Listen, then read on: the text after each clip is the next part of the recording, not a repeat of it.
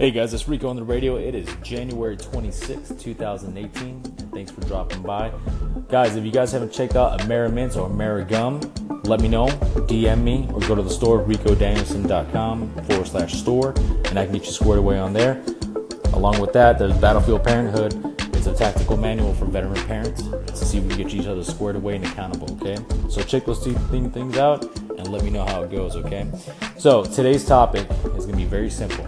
Want to get you guys squared away so you guys can go to the bar, have a few drinks. But just remember, it's the weekends that hop on us. So that means you can get your ass back to work either in the gym or you can make some more business deals happen, okay?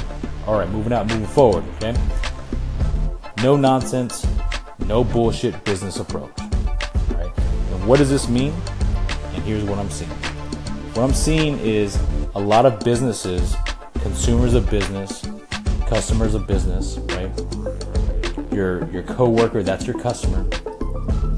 We're doing things that make no sense for them. I saw the other day people were trying to stand up projects for a deliverability that's a month away. It made no damn sense. Why don't you just get to work forward moving and start doing tracking and monitoring, hold each other accountable?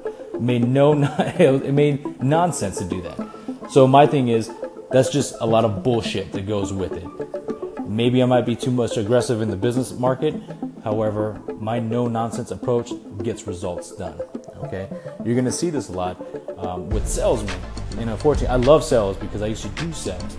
And the fear that it's causing consumers is that how much more is this bullshit gonna, this guy gonna bullshit me, and how much more nonsense am I gonna get filled with? And now I just don't even want to do the business transaction.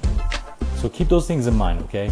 Whenever you're dealing with a customer, and your customer can be anywhere from your child, because you have to sell them how to do stuff. You go there, do the laundry, and this and the other. Okay, I don't care what anyone says. You're selling someone. Okay, you're selling your mother and father on how much of an awesome child you are or adult you're supposed to be. Okay, you're selling your wife. Hey, I need a hall pass. I'm gonna be good. I'm gonna go out with the boys, have a drink. I'll be back by 11. No big deal. You're selling your customers on whatever product and service you're gonna sell them, and you're also selling your customers on loyalty and respect that you're gonna deliver on those projects, on those tasks, conditions, and standards. Okay. So, that being said, it is your job to have this no nonsense, no bullshit approach and meet the expectations. As a matter of fact, screw that. Go above and beyond the expectations. Over deliver. And not because out of fear that they're gonna ask for more or they're gonna expect more from now on, and that's great. Just for yourself, over deliver and make sure they get above and beyond what they want. Okay? So try that approach. That's what I would say. So your tactical exercise for this evening Try to get yourself in the in the mindset of look at a situation, a project, a product, a service, whatever you provide to make ends meet, and say where in there, because somewhere in there does nothing make sense. Does some does, that something does not make sense. How can I streamline that process and make it more effective? And number two, how can I remove the bullshit out of it? How can people see me with radical transparency and say, you know what? Man, Rico has a good gum line. It's just great gum. I want it. It promotes patriotism and veteranship. That's what I want.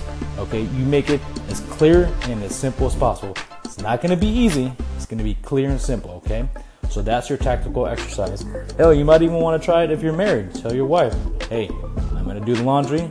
Here's the set of expectations. I'm going to do it, and you do above and beyond. You even fold that laundry, and then you say, hey, you know what? Tonight, because of that, my expectation is to go out with the boys just for one beer and watch the game. Right? So try that, see how it goes, and that's your tactical exercise. Again, guys, thanks for listening to Rico on the radio. Keep kicking ass and taking names.